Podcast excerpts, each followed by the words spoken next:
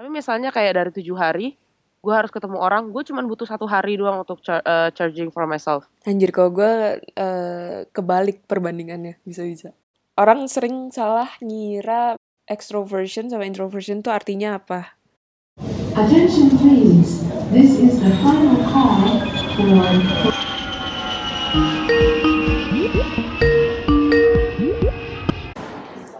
Hai Bu.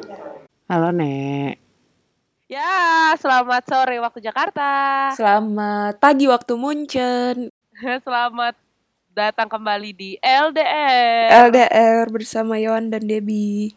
Yes. Uh, hai Deb, hari ini kita bakal ngomongin apa ya, Nek? Kita bakal ngomongin tentang personality types. Yes, yeah. orang biasanya taunya yang apa? 16 personalities yang paling terkenal ya. Iya, itu biasanya website yang jadi go to orang-orang buat ngetes si ini, si personality type mereka. Yes. Berdasarkan si pembagian yang dari si Myers Briggs. Benar sih biasa MBTI. Yes, betul betul. Uh, Lo udah pernah ngambil debt? Obviously kita udah pernah ya. Obviously kita udah pernah juga. Jadi kalau ada kalian yang misalnya ngelihat empat huruf uh, ENTP, terus kayak belum yeah. tahu itu apaan sih sebenarnya itu biasanya orang ngambil ini, ngambil tes si personality type berdasarkan si Myers-Briggs, terus kita tuh dibagi jadi 16 personalities. Gitu. Yes, basically just type uh, 16 personalities uh, on Google and then you found the link paling atas kok itunya. Oke, Dep punya lo personality type-nya apa nih? Punya gue ISFJ. Jadi ISFJ ya. Iya, ISFJ. Jadi gue tuh istilahnya defender. Oh, istilah lo defender ya? Defender. Terus menurut gue lumayan cocok sih sama gue ininya. Uh, sifat-sifat dan karakter-karakter yang disebut di situ. Kalau lo gimana? lucunya lucunya guys so ini ini gue sebelumnya udah pernah ngobrol sama Debbie dan kita berdua kaget kalau gue sama Debbie itu cuman beda depannya doang gue tuh ESFJ ya i gue tuh konsul uh, istilahnya tapi Deb karena kita mau podcast apa mau rekaman podcast yang ini sebelumnya gue iseng coba lagi mm -hmm. personality gue ini apa mm -hmm. uh, berubah apa enggak karena kan kalau kata orang kan uh, by the time kita bisa berubah. Mm-hmm. Uh, gue itu berubah. E-nya nggak berubah, mm-hmm. of course. uh, tapi gue jadi berubah ENFP. This uh. is really weird. Terus gue gue kayak nggak terima. Uh-huh. Kayak nggak terima, jadi gue coba lagi 30 menit kemudian. Mm. Gila nggak? Gue freak banget ya. Mm-hmm. Terus gue berubah lagi ENFJ. Mm-hmm tapi pas gue baca semuanya gue lebih uh, kan baca yang strength weakness uh, lalala segala macam gue lebih um, ngerasa gue cocok ke ENFP pas gue baca kayak um, tolerant reliable Asik. karismatik terlalu terlalu sombong sih kalau ngomong. Terus kayak natural leaders gitu. Kayak uh, I Asik. somehow can asik banget ya. Gue gue tuh agak geli sebenarnya ngomong kayak gini kayak kelihatannya tuh gue tuh gini loh gitu. Kayak it's it's really not me. Tapi kayak I I somehow can sense it and kinda agree. Daripada pas gue bandingin ESFJ um, kayaknya kayak kok gue nggak segitunya ya gitu loh. Mm-hmm. bagian yang kayak um, tadi kan yang gue tipis banget kan ENFJ sama N ENF ENFP gitu kan. Jadi judging sama prospecting 30 menit itu kan sebenarnya yang berubah cuman J sama P-nya kan. Mm -mm. Dan kalau gue perhatiin di semua hasil uh, tes gue, memang kayak uh, J sama P-nya gue tuh beda tipis banget kayak lima tiga empat tujuh. Mm. Kayak jadi kayak oh ya ya kalau berubah-berubah di situnya kayak ya nggak apa-apa lah gitu. But ENF itu gue kayak ya gue udah menyetujui itulah. Ngomong-ngomong tentang personality bisa ganti-ganti kan gue penasaran ya karena gini kita kan eh, pertama kali ngomongin tentang ini kayak sekitaran dua minggu lalu pas kita mutusin mau ngomongin ini gitu buat episode selanjutnya. Yes. Terus baru kayak eh, bu gue ISFJ bu gue ESFJ gitu kan. Wah ternyata kita coba beda satu huruf. Ternyata lo nyoba lagi kan. Kan lo instastory itu gue lihat terus gue jadi penasaran kayak yang selama ini cuma omongan-omongan beredaran di sekitar kita tuh kayak oh personality type tapi yang bisa berubah atau apa. Tapi gue nyari akhirnya semalam. Karena gue Mhm. penasaran. Bisa nggak sih sebenarnya personality type itu berubah? Katanya sebenarnya nggak bisa.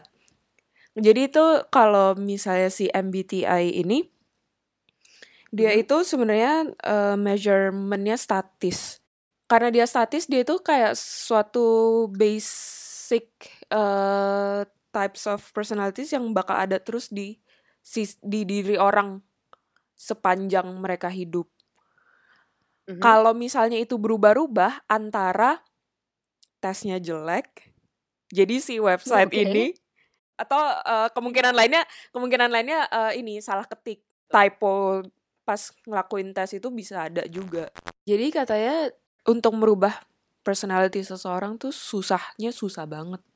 Back again kayak ini salah satu teori si Jung namanya yang dia juga eh, ngebagi manusia jadi extrovert, extroverted, introverted, sensing, intuition, thinking, feeling. Tapi ya kalau lo nggak setuju sama si teori ini, ke kalau lo nggak subscribe ke teori ini, mungkin aja teori yang lain bilang kayak oh bisa kok personality types itu berubah. Gua nggak Iya, tahu iya. karena gua nggak sempet baca sebanyak itu. gitu. kalau mau tahu lo dari si 16 personalities ini em, lo tuh narrow down ke personality yang mana kayak you should get a test Iya, lo mesti tes yang lo ambil itu mesti somehow yang gua nggak tahu yang mana yang lebih reliable tapi kayak nggak bisa seasal itu. Ternyata kayak lo nggak tahu statistiknya. Misalnya si website ini yang kita semua pakai kita nggak Mhm. tahu statistiknya dia tuh gimana. Terus kayak eh, seberapa reliable si tes ini. Kalau lo Nah, mau assessment yang lebih bener gitu istilahnya ya lo mesti ke psikolog atau gimana gua nggak tahu ya, ya. tapi katanya akhir-akhir ini atau kayak trennya sebenarnya buat professional psychologist itu mereka lebih ke nggak ngotak-ngotakin orang ke personality ke types kayak gini. hmm. Tapi katanya ini lebih kepake buat orang-orang yang nge-hire, Bu. Iya, oke, oke. Karena gue pas masuk kampus eh, juga disuruh kampus yang di sini ya, yang di Indo, Hmm. disuruh ngambil tes ini. Tapi gue nggak tahu tujuannya apa. Tapi gue selalu mikir kayak sistem personalities eh, tes ini bukan untuk you know yourself. Itu mungkin bisa, tapi lebih ke untuk eh, human resource gitu loh, orang yang hire untuk misalnya company, organization, or eh, anything else buat kira-kira tahu gambarannya ini orang kayak gimana sih gitu loh. You know yourself-nya, you know yourself yang ada ada hubungannya ke produktivitas lo nanti gitu. Jadi lebih kayak mungkin Iya. lo ngelihat personality type lo terus lo jadi tahu strength sama weakness lo.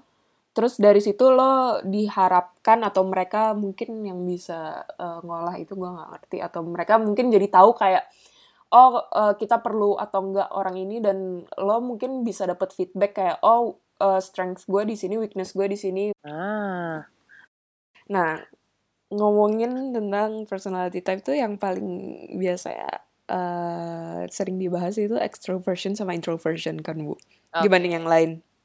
Aha. Dan eh, orang sering salah ngira misalnya kayak eh, extroversion sama introversion tuh artinya apa? Coba lo di define dulu yang eh, extroverted dan introverted yang bener. Kalau disuruh define extrovert sama introvert itu kayak gimana? Bukan ke seberapa outgoing, seberapa pemalu. Mungkin tendensinya ada kayak gitu kayak extrovert lebih banyak yang outgoing dan introvert mungkin eh lebih banyak yang kayak socially shy atau awkward. Tapi sebenarnya extrovert introvert tuh nge- ngebedainnya gimana mereka nge-recharge energi mereka. Karena ada orang-orang yang kayak mereka butuh eh nge-recharge Iya, iya. energi itu dengan ada sama orang lain in a large group. Terus itu kayak ya Itu aku. ada orang-orang yang kayak mereka nge-recharge energi mereka dengan misalnya kayak eh gue harus baca atau kayak tenang atau sendirian jalan sendirian walaupun Iya, itu iya, keluar iya. rumah dan itu Iya. nggak mesti orang itu dia socially awkward atau shy atau pendiam Iya. gitu Oke, now I get it. Nah Oke. sifat-sifat ekstrovert yang ada di lo banget tuh misalnya kayak gimana Oke, kalau of course kalau kalau yang gue tahu introvert sama extrovert yang seperti yang orang-orang lain tahu. Pendeknya adalah lo bubbly, eh, nggak socially awkward kayak itu extrovert. Lo lebih kayak diem, let's say socially awkward, eh, let's assume socially awkward itu kayak introvert. Menurut gue kayak gitu ya. Itu tepatnya itu yang gue tahu. tapi sekarang Nah. lo udah tahu Sekarang udah tahu nih. Karena juga kayak beberapa teman-teman gue kayak gitu. Mhm. Hmm, kalau gue extrovert yang ada di diri gue yang gue kayak hmm, ident- uh, apa ya identify oh yes I'm extrovert I'm really indeed extrovert per- uh, person adalah gue yang pasti gue nggak socially awkward Mhm. and I love meeting people Mhm. I love socializing with people dan lo Karena- abis itu nggak bakal ngerasa capek enggak Mhm. karena ke- ketemu orang adalah bagian dari hidup gue gue rasa gitu loh Iya, justru itu yang bikin lo energized kan. Yes, ba- kayak bahkan mungkin lo tahu sendiri nih kayak back then in Germany kayak gue nggak bisa hi- hidup tanpa orang. Hmm. Kayak setiap hari tuh pasti ada aja gue eh, ketemu orang gitu. Mhm. Jadi kayak Ya, hmm, jadi kayak kayak meeting people itu gue nggak nggak bikin that doesn't exhaust me gitu loh. ya. Dan Iya, bahkan lo nyari time. terus dan butuh. Iya, iya, I need alone time. Tapi misalnya kayak dari tujuh hari, gue harus ketemu orang, gue cuman butuh satu hari doang untuk char- eh, charging for myself. Anjir kalau gue eh, kebalik perbandingannya bisa-bisa. Nah kan, nah temen-temen gue yang kayak yang kayak lu atau satu lagi sahabat gue di sini yang kayak nggak yang introvert, dia kebalik, wah gila. Keluhannya itu, wah gila, gue capek banget ketemu orang. Gue Sebenarnya butuh waktu sendiri, misalnya kayak gitu. Gue iya kayak, kalau udah not that kebanyakan. I don't understand. Of course I understand gitu, tapi kayak is that that tiring gitu Hmm. loh. Gue jadi wonder tapi kayak oh ya, now I can understand that for some people memang eh, buat ketemu orang, buat socializing, even buat keluar rumah itu bikin capek. Terus apalagi yang lo ada nggak yang lo nggak ngerti dari si introverts ini? Kayak, heh emangnya kayak gitu banget ya? Hmm, oh, keeping things private. Hmm. Mhm. menurut menurut gue nggak tahu ini bukan gue kayak ah gimana ya Em, buat gue personally keeping keep, keeping my things privately apalagi hal yang eh, sedih gitu itu bikin sakit sakit Hmm. bukan sak- sakit eh, jiwa dan raga gitu loh Iya. bahkan bahkan sampai ke badan-badan yang kayak physically gitu dan dan I bukan nggak ngerti tapi lebih ke I'm always amazed with people yang bisa keep things privately and handle it by themselves. Gue kayak wow. Dan gue that? On the other Dan side- Debbie is like wow that Debbie is Nggak. ace in it guys. Enggak gue gue kayak in, kayak on the other side iya kalau misalnya gue lagi ngerasa negatifnya dari sifat itu gue juga kayak anjir kenapa sih gue gini banget tapi kalau gue lagi ngelihat si extroverts itu kadang gue suka heran eh, menurut gue mereka overshare nah, Sih. sih. Iya karena, nah karena tendensinya si extroverts ini, karena dia udah em, cerita, apalagi kalau udah cerita ke orang yang deket banget, all little things tuh bakal diceritain juga. Iya. Dan introverts pasti bakal mikir, gila nih orang nggak kayak gitu-gitu doang, kayak gitu aja sampai diceritain gitu kan. Mhm, mhm. Itu yang lo dapat kan? Iya, kadang gue kadang kadang gitu sih, bu kadang gue bukannya bukannya kayak ngapain sih overshare? Kadang bukan kayak gitu, tapi lebih kayak wow bisa ya kayak gitu. Maksudnya gue sama sekali nggak ngebayangin gitu loh. kalau ternyata seseorang bisa seperti itu. Padahal banyak banget. Katanya statistically extroverts itu lebih banyak daripada introverts. Oh ya? Katanya gitu. Tapi en, eh, makanya lagi balik ke definisi si extrovert sama introvert ini. Gue pas ngomongin si personality types ini, ada beberapa orang yang menurut gue mereka nggak nggak nggak seberapa bubbly atau nggak seberapa ramah, nggak seberapa friendly, tapi mereka katanya extroverts. Terus makanya oh tapi ternyata definisi extroverts itu mereka nge-recharge energi sama orang lain. Bukan berarti mereka harus super wow Bubbly dan outgoing kayak class gitu. clown nggak nggak mesti kayak gitu ternyata. Malah kayak dari oh oke. Oh that's new for me. Hmm. It's Betul. very new. Tepatnya new for everyone sih mungkin kayak bukan everyone, Yeah. many people sih tepatnya. ya gitulah kalau misalnya ada yang masih misunderstood kayak being an introvert and being an extrovert Hmm. menurut lo lebih beneficial jadi extrovert nggak setelah lo menjalani Hmm. hidup lo sebagai extrovert selama ini itu beneficial gak menurut lo lebih daripada Menurut menjadi gua iya. introvert Ya kalau buat gue sih beneficial. Being extrovert eh, ini beneficial buat gue. So Mhm. far. Mhm. Karena ya itu gue bisa em, apa ya social with, with people, eh, engage with people. Jadi eh, peluang-peluang atau kayak eh, jalan hidup lo selama ini lumayan terbuka dari fakta bahwa lo adalah seorang ekstrovert. Ya, ya lumayan. Mhm. Eh, setidaknya sejak gue di Indonesia eh, dengan dengan bubbly-nya gue, Mhm. dengan curiosity gue, ya Mhm. semuanya lumayan terbuka, lumayan banyak chances yang terbuka. Mhm.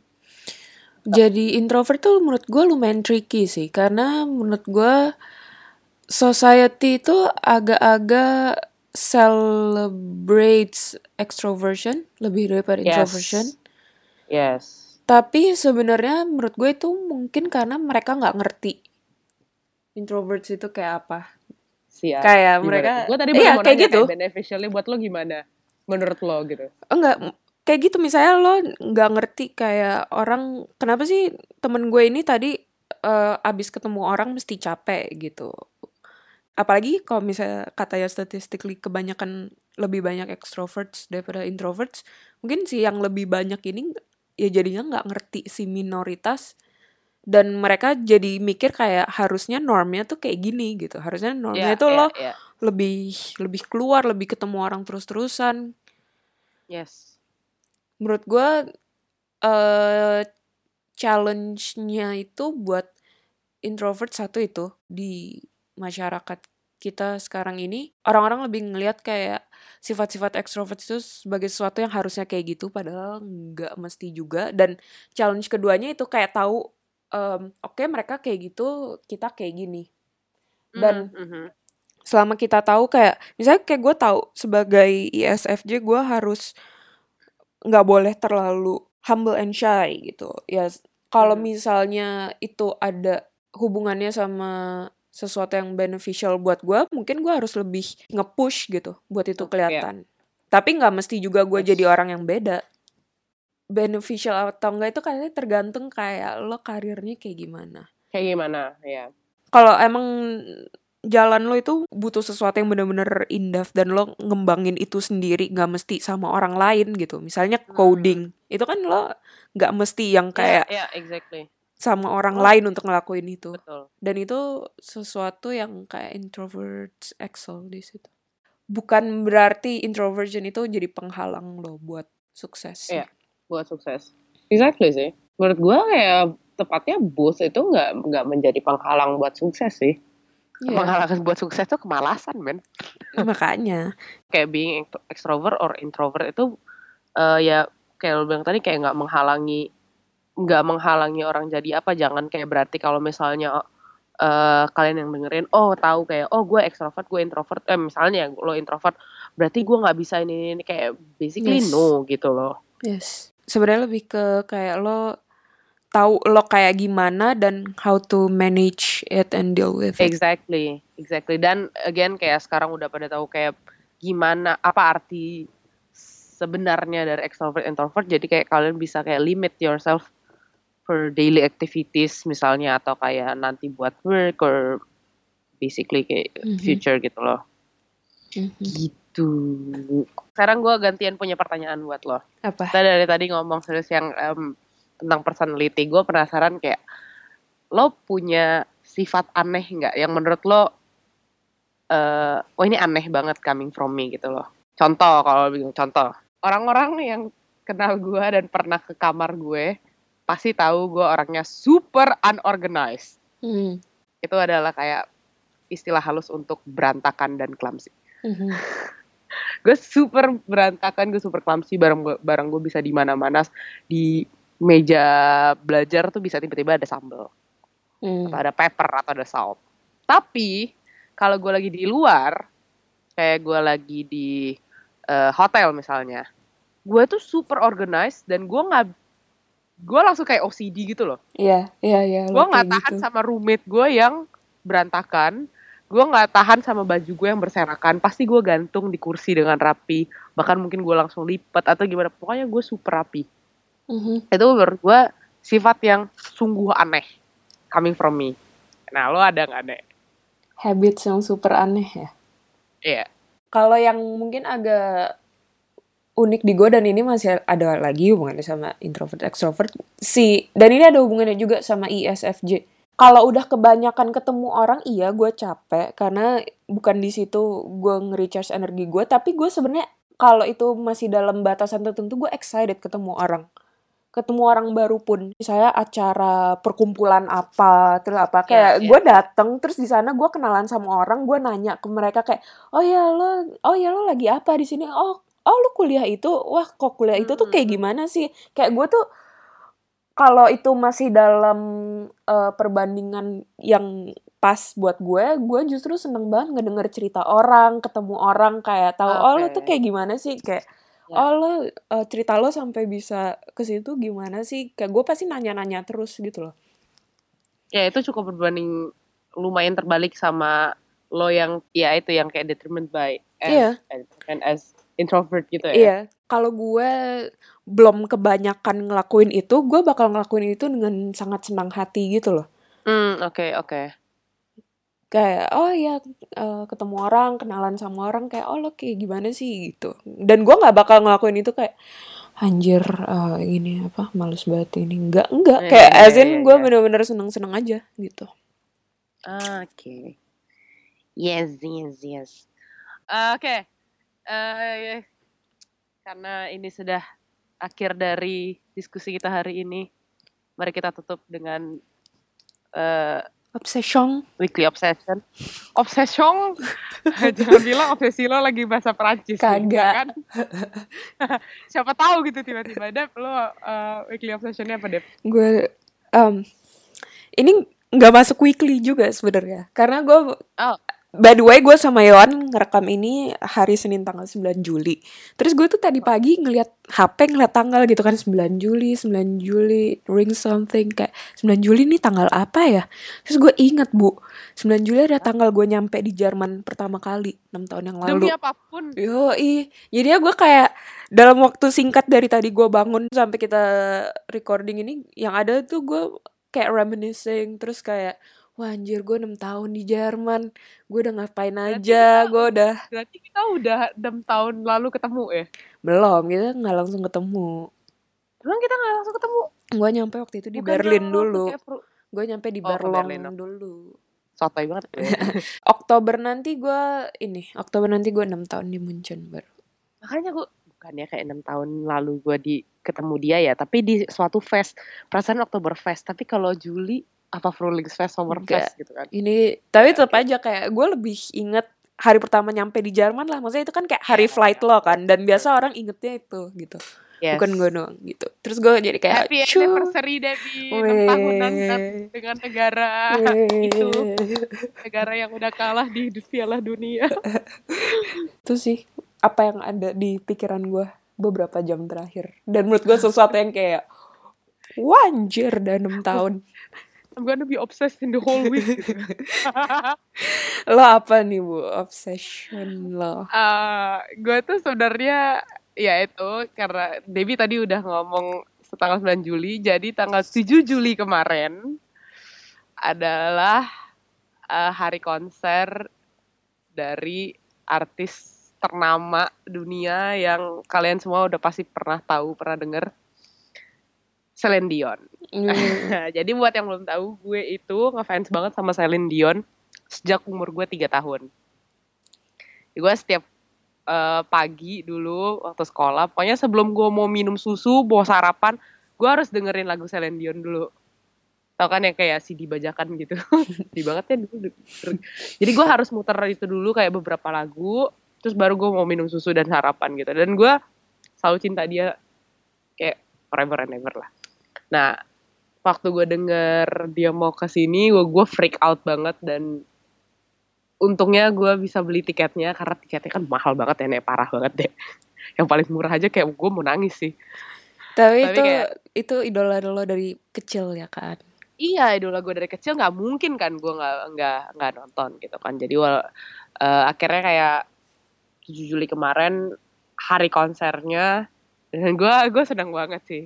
Gue gue super obses. Wah dia Wah, it, was very very magical, man. It was very Asik, magical. She was magical. so pretty. The makeup wasn't wrong. Karena itu jadi discussion gue dan teman-teman gue yang kayak pas dia um, soundtrack filmnya Deadpool 2 Mm-mm. video itu makeup itu kayaknya salah gitu loh eyeliner bawah itu kayak why gitu loh it's so wrong Anjir, abis Kayak ini gue lihat. Karena Celine Dion without makeup is like very very pretty menurut gue Mhm.